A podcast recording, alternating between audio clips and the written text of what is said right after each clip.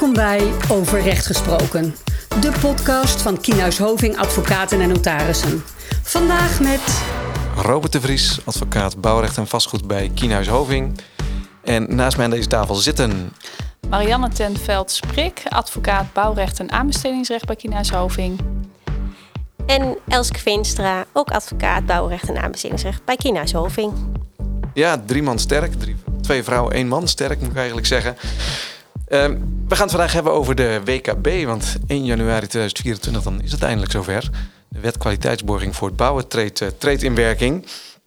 Um, dan gaat er nog wat veranderen. Ehm, nou, het is ook goed dat jij erbij zit, Marianne. Want voor jou gaat het misschien wel gelden. Ja, toevallig, we hadden het er namelijk uh, net over. Um, ik woon heerlijk uh, in mijn plekje in, uh, in Enschede. Uh, maar we zitten nog wel eens te kijken om toch een nieuw huis te kopen of te gaan nieuwbouwen. Maar ik zeg eigenlijk, ja, nieuwbouwen is, is niks voor mij. Als advocaat bouwrecht uh, um, zie ik daar alleen maar uh, risico's in. Hè? Altijd die beren op de weg. Um, en ja, dat, dat, zit met name in verschillende aspecten. Die ook aan de orde komen bij, bij de wet kwaliteitsborging. Um, nou ja, hè, wij zien in onze praktijk natuurlijk van alles en nog wat misgaan. Dat herkennen jullie misschien wel. Dat is een dagelijks werk, hè? Alleen hoef ik voor jou geen zaak te hebben. Nee, precies. Nee, dat is niet. Uh, nou, het is natuurlijk nooit fijn als je gedoe hebt uh, bij de bouw. Um, maar zeker niet als het gaat om de aannemer die bijvoorbeeld uh, failliet gaat. of uiteindelijk toch niet. Um, geen, op een gegeven moment de bouw moet stilleggen. omdat hij geen verder geld heeft om, om verder te bouwen.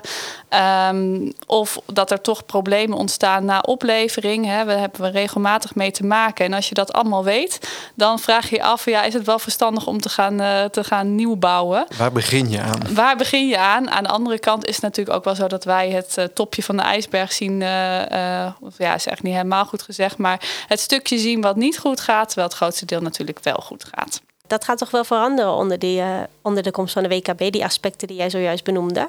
Ja, inderdaad. Uh, onder de wet kwaliteitsborging uh, uh, gaat dat als het goed is veranderen. Um, waardoor ik misschien toch wel wat meer zekerheid heb als ik toch besluit om een huis te gaan bouwen. Ja, misschien gaan we dat vandaag hopelijk wat duidelijker proberen te maken. Maar misschien is het goed om eerst even toe te lichten wat die wet kwaliteitsborging nou precies, precies inhoudt voor deze, voor deze podcast. Um, Eigenlijk bestaat die wet kwaliteitsborging uit, uh, uit twee delen. Er vindt straks een, uh, een, een, systeemwijziging eigenlijk plaats over het uh, toezicht op het bouwen. dat, is de, dat is eigenlijk de, de systeemwijziging, noem ik hem maar. En daarna nog een wijziging van een aantal artikelen uit het burgerlijk wetboek die zien op aanneming van, van werk. Ja, over die ehm, systeemwijziging.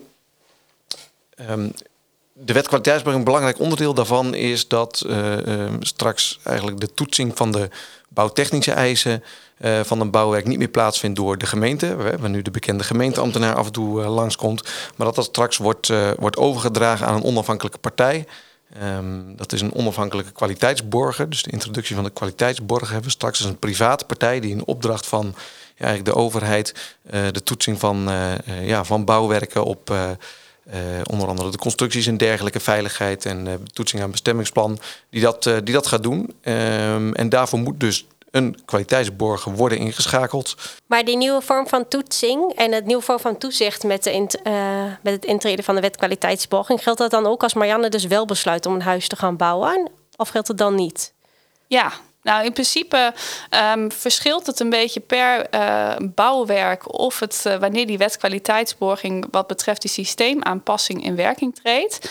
Um, per 1 januari 2024 treedt de wet kwaliteitsborging voor die systeemaanpassing um, in ieder geval in voor de gevolgklasse 1, zoals ze dat noemen. Nou, dat klinkt heel ingewikkeld, maar dat zijn vooral de bouwwerken waarbij weinig risico is, of relatief weinig risico is op het moment dat er toch iets mis zou gaan met de veiligheid. Um, en als het dan bijvoorbeeld gaat om de bouw van een woning, hè, dus even, je gaat zelf je eigen woning laten bouwen. In dat geval geldt dus die wet kwaliteitsborging, hè, die systeemaanbieding, uh, systeemwijziging al wel. Um, en dat houdt dus ook in dat je dan een kwaliteitsborger zou moeten gaan inschakelen. En wie gaat die kwaliteitsborger dan inschakelen? Ga jij dat als eigenaar doen of gaat de aannemer dat doen?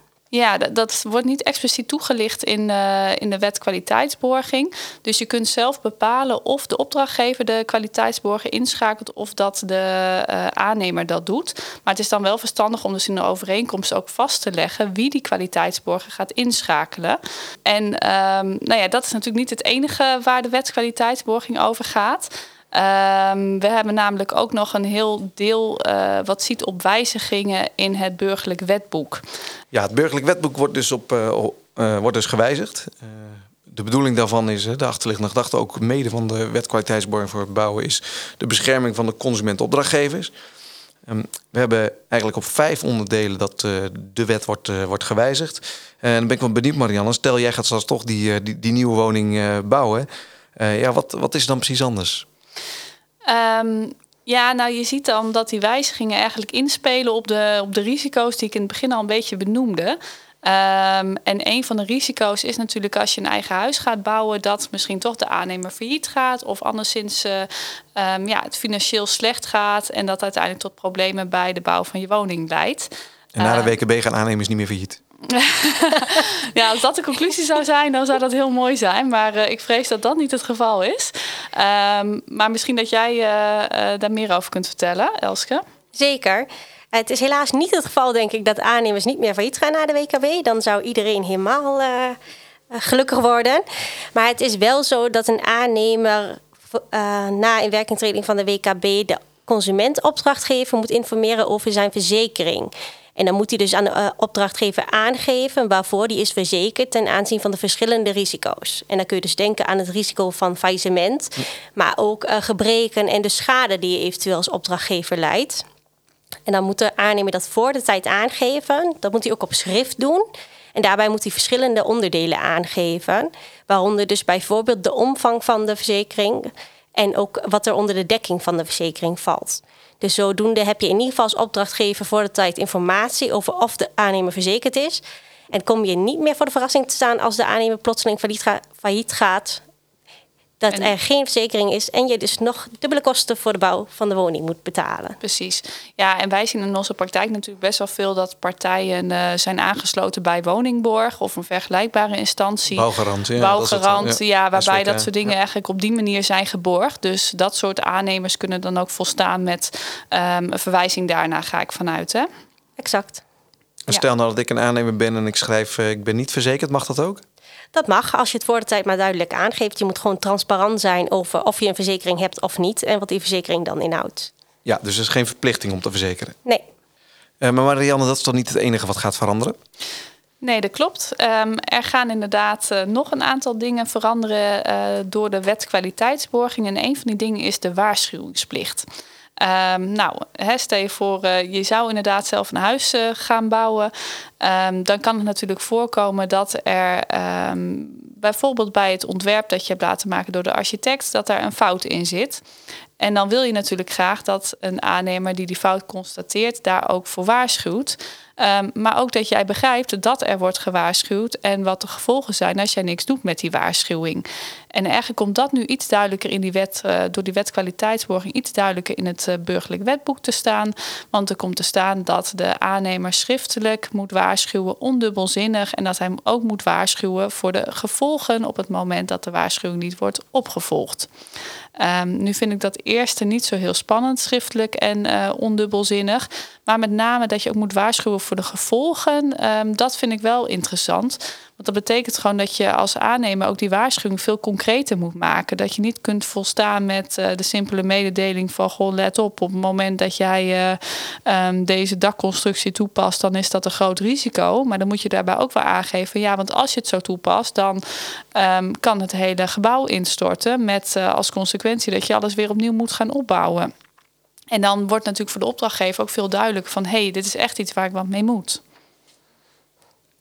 Oké, en je gaf net aan dat een aannemer die gevolgen en het gebrek waarvoor je dus waarschuwt of het risico waarvoor je de aannemer gaat waarschuwen schriftelijk moet worden aangegeven. Kan dat dan tegenwoordig ook via een WhatsApp? Of? Um, ja, dat is een uh, goede vraag. Dat, dat kan inderdaad. Dat wordt uh, bij mijn weten ook onderschriftelijk verstaan. Zeker. Um, en je ziet, je ziet dat dat nu nog niet expliciet in de wet staat, hè, dat dat schriftelijk moet. Um, in de praktijk is het wel handig om dat echt nu ook al te doen, nog voor inwerkingtreding van die wetkwaliteitsborging. maar je kunt nu ook mondeling waarschuwen, maar dan is het natuurlijk wel lastig om te bewijzen dat er is gewaarschuwd. dus in zoverre gaat er misschien niet zo heel veel praktisch veranderen. Maar staat er nu wel heel duidelijk in dat het echt schriftelijk moet. En dat het dus heel duidelijk moet zijn. Uh, dus klip en klaar waarvoor je waarschuwt. Dat is voor ons advocaat natuurlijk wel prettig. Want uh, wij hebben uiteindelijk te maken met de bewijskwesties in de rechtszaal.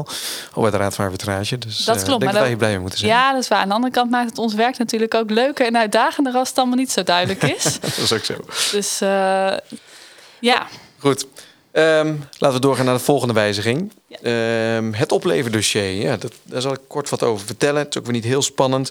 Um, maar wat natuurlijk, ja, je bestelt een huis of je koopt een huis, je laat een huis bouwen als, als consument. En, en tegenwoordig ook niet te vergeten alle installaties en zo die erin zitten. Hè. Het is de, tegenwoordig niet zomaar meer een huis, maar het is ook een heel uh, complex met, uh, met ingewikkelde installaties en dingen die, uh, waarvan je op voorhand denkt van goh, hoe werkt dat allemaal? Zeker. En dan weer voorkomen dat je een tijd na oplevering bepaalde stukken nodig hebt, geen idee hebt waar het in je huis verstopt zit. de wetgever, in ieder geval heeft, wetgever heeft in ieder geval bedacht dat het goed zou zijn indien er een opleverdossier wordt, wordt aangeleverd door de aannemer. Dat is eigenlijk een dossier waarin hij aangeeft wat hij nou eigenlijk gebouwd heeft. Um, en en um, nou, bijvoorbeeld de handleiding van de installaties en dergelijke. Um, dat moet de, aanlever, de aannemer aan de opdrachtgever toesturen op het moment dat hij vindt dat, de, of tenminste dat hij meldt wanneer de woning klaar is. Dus eigenlijk al voor oplevering moet hij die stukken toesturen, zodat de consument ook daarvan kennis kan nemen, eventueel bij de oplevering vragen over kan, kan stellen. Um, en een veelgestelde vraag die wij dan krijgen is ja, wat moet er nou eigenlijk staan in dat, in dat opleverdossier? De wet zegt daar niet zoveel heel veel over. Um, eigenlijk in hoofdlijnen gaat het een beetje om ja, eigenlijk wat is er nou precies gebouwd. Dus tekeningen van de woningen, berekeningen die zijn gemaakt. Um, de, de, dus ook inderdaad over de installaties. Dus waar lopen de buizen en hoe werkt mijn, uh, mijn airco en dergelijke. Um, en eigenlijk alles wat, wat nodig is voor het gebruik, maar ook voor het onderhoud van, uh, van de woning, dat moet in het opleverdossier moet daarin staan. Eén maar uiteraard, zoals al vaak uh, bij de wet, dit is belangrijk, dit een bepaling is van regelend recht, zoals wij dat, uh, zoals dat dan noemen. En dat betekent dus dat je hier ook in de overeenkomst van mag afwijken. Uh, oftewel, je kunt in de overeenkomst eigenlijk zelf bepalen met, met, als opdrachtgever met de aannemer of als aannemer met de opdrachtgever van wat ga ik nou ja eigenlijk straks als opleverdossier aan, aanleveren en wat moet ik daar, welke stukken moet ik aan jou toesturen en Um, op welke wijze voldoe ik daarmee aan mijn verplichting op grond van uh, de wet kwaliteitsborging? Ja, en als opdrachtgever kan ik mij voorstellen dat je eigenlijk altijd wel iets hierover wil afspreken. Dus dat je niet hiervan wilt um, uh, afwijken in die zin dat er helemaal geen opleverdossier hoeft te komen. Want ik denk dat het altijd wel goed is om zo'n opleverdossier uh, te ontvangen. Maar dat je misschien wel specifieker zou willen maken welke stukken je dan daadwerkelijk ontvangt. Dus dat je daar dan afspraken met elkaar over zou, zou willen maken. Ja, eens, helemaal eens. Nou, en stel Marianne, je hebt dan die woning uh, gebouwd. Hè? Je hebt van die aannemer ook een mooi opleverdossier uh, ontvangen. Dan vindt op een gegeven moment echt die oplevering plaats. Je bent daarbij, samen met je man misschien. Uh, vrolijk moment. Um, maar dan verandert er nog wat na die oplevering, over de, als we het hebben over de aansprakelijkheid. Uh, Jazeker, dan verandert er wel wat. Ten aanzien ook van, van de wet kwaliteitsborging. Um, het oplevermoment is nu eigenlijk het moment waarop het risico overgaat op de opdrachtgever. Dus na oplevering is de aannemer in principe niet meer aansprakelijk voor um, gebreken, tenzij het gaat om verborgen gebreken. Dat is nu het geval. En met verborgen gebreken wordt dan bedoeld gebreken die niet bij de oplevering zijn ontdekt, maar die ook niet behoorden te worden ontdekt bij de oplevering. Um, Straks wordt het stelsel wat gunstiger voor de opdrachtgever. Dus wat houdt dat in? Um, op het moment dat er is opgeleverd, is de aannemer daarna in principe nog wel aansprakelijk voor gebreken, tenzij hij aantoont dat de gebreken niet aan hem zijn toe te rekenen. Dus eigenlijk wordt de, um, het uitgangspunt straks, ja, de aannemer is wel aansprakelijk, tenzij hij kan aantonen dat het gebrek niet aan hem um, is toe te rekenen. Dus dat is een heel ander uitgangspunt dan wat nu het geval is. En wat daarbij ook nog wel relevant is, is dat je um, weliswaar hiervan kunt afwijken voor professionele opdrachtgevers. Dus op het moment dat je, zoals ik, hè, mijn eigen huis gaat bouwen, dan geldt deze regeling gewoon. Um, maar als je nou een professionele opdrachtgever bent, dan kun je hier wel van afwijken. Um, maar alleen uh, door middel van een uh, overeenkomst. Dus je kan, uh, je kan niet meer werken met algemene voorwaarden waarin een afwijking op deze regeling staat. Ja, ja dus misschien, denk, misschien wel de belangrijkste wijziging van, uh, van de wet kwaliteitsborging. Maar ook een hele hoop over te doen is natuurlijk in de rechtspraak. Hè, die verborgen gebreken discussie. En wat had je nou wel niet moeten zien bij oplevering. En, en wat je ook wel merkt, dat er in de praktijk gewoon vaak met veel onbegrip naar wordt gekeken door opdrachtgevers. Hè. Een voorbeeld te noemen, ik, had een, uh, een ik ben opdrachtgever en ik heb een, uh, een houten deur besteld met heel duur chic hout. En ik kom, ik kom er na twee weken achter dat er een ander soort hout is geplaatst. Ehm, maar er wordt gezegd, ja, als je bij de oplevering goed had gekeken, misschien zelfs een, uh, iemand vereniging eigen huis meegenomen, en had je toch duidelijk gezien dat dit geen tropisch hardhout was, maar uh, nou, een goedkoop uh, ander type hout, um, dan heb je dat in principe geaccepteerd. en dat is waar, waar die discussie over die verborgen breken om gaat. En in dat geval heb je dat geaccepteerd, kun je er dus niet op terugkomen. Precies, en dat wordt straks anders onder de wet kwaliteitsborging, omdat hè, op het moment dat je dat gebrek dan niet bij oplevering hebt ontdekt, um, dan ben je er alsnog voor, voor aansprakelijk. En uiteraard is zo, stel je voor je ontdekt dat gebrek dan wel bij oplevering, dan wordt het een soort van opleverpunt. En dan moet het natuurlijk alsnog worden opgelost door de aannemer. Ja. Dus mijn verwachting is dat straks beide partijen, zowel opdrachtgever als aannemer, belang hebben bij een hele goede oplevering, waarbij dus zoveel mogelijk punten al worden geconstateerd, zodat die kunnen worden opgelost. Waarbij nu nog wel eens het uitgangspunt is vanuit de aannemer gezien. Van nou ja, het oplevermoment, als we dat maar eenmaal gehad hebben, die puntjes lossen we nog op. En voor de rest nou ja, zijn we hopelijk dan niet meer aansprakelijk. Uh, dat wordt er straks wel echt anders. Ja, en ook eigenlijk wel begrijpelijk. Hè? Als je het vergelijkt met, met een auto die ik, uh, die ik koop... en uh, daarna kom ik twee weken achter dat er uh, bij de motor iets niet goed zit... kan ik daar ook gewoon mee terugkomen. Ondanks dat ik het misschien had kunnen zien toen ik de auto meenam. Maar het is, je moet krijgen wat je hebt gekocht. Ja, enerzijds wel. En dat nou, ben ik ook wel met je eens. Maar ik hoor toch wel veel van de, van de aannemers. Wij staan ook wel veel aannemers bij. En die zijn er um, ja, zijn echt niet blij met deze regeling. Want die ook zeggen, ja, dit vergroot echt wel ons risico... die aansprakelijkheid naar oplevering...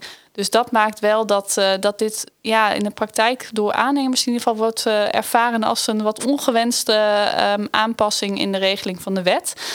Um, en dan kan ik ook vanuit het perspectief van de aannemer begrijpen dat die zegt van ja, we willen toch graag um, een iets andere regeling hanteren. Hè, zoals hier stond in de wet, zo willen we hem ook graag houden.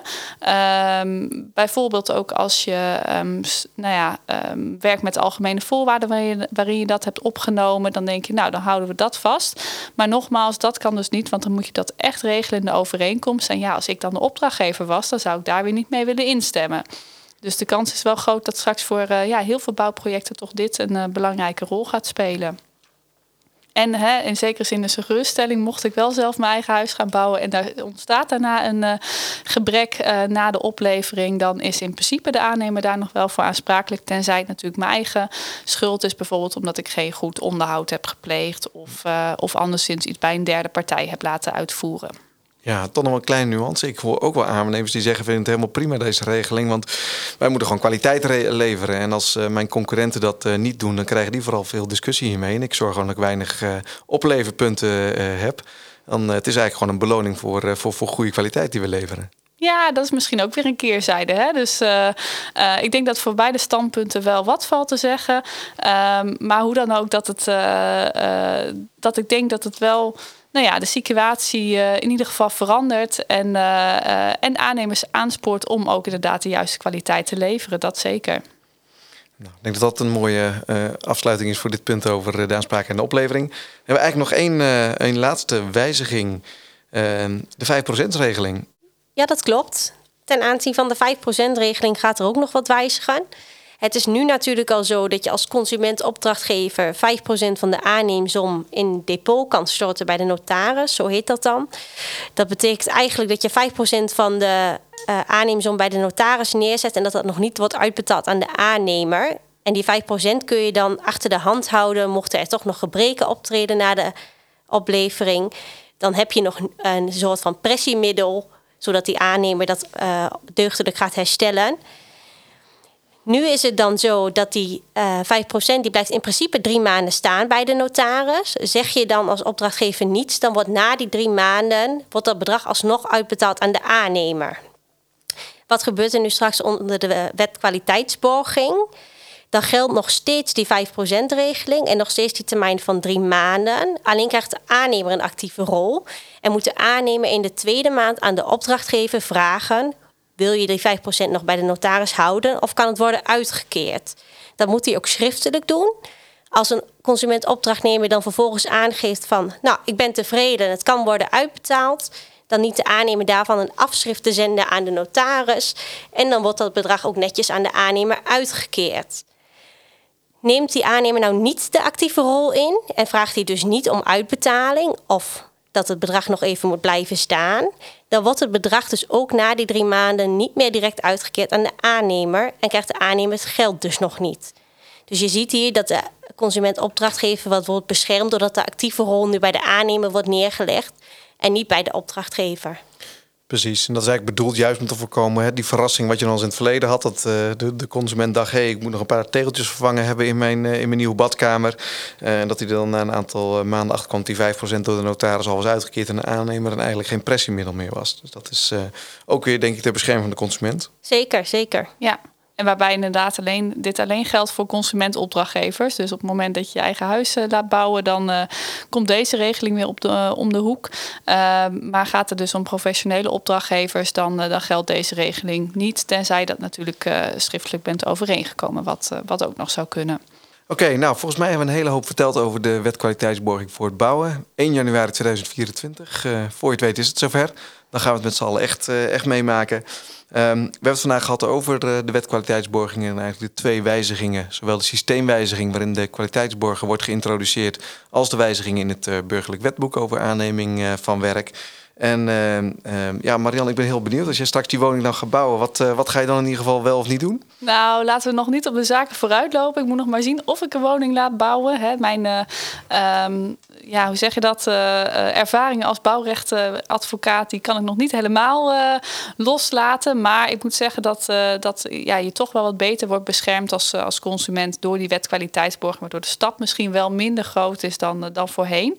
Um, en dan zijn de aandachtspunten die ik uh, zou meenemen als, uh, als opdrachtgever in ieder geval dat, dat een kwaliteitsborger moet worden aangewezen. Um, en dat je daarover dus iets moet vastleggen in, uh, in de overeenkomst. Um, daarnaast goed checken of je informatie over zekerheden hebt ontvangen vanuit, vanuit de aannemer. En tot slot ook dat je afspraken maakt wat je nou krijgt in het kader van het opleverdossier.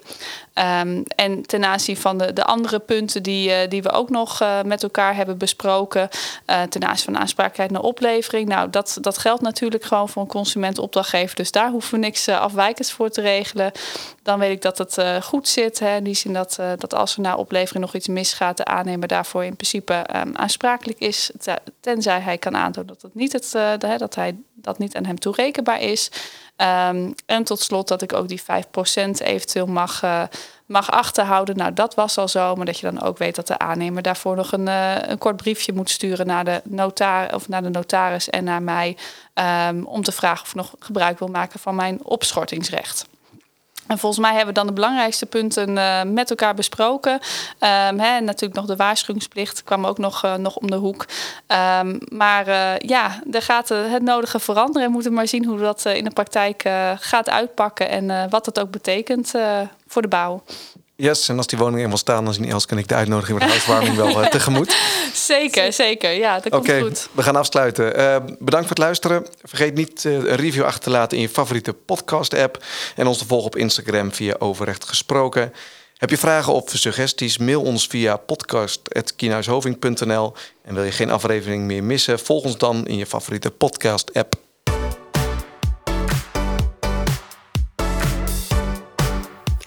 Dit was Overrecht Gesproken, de podcast van Hoving. Heb je vragen of wil je meer informatie? Stuur dan een e-mail naar podcast.kienhuishoving.nl Wil je niets missen?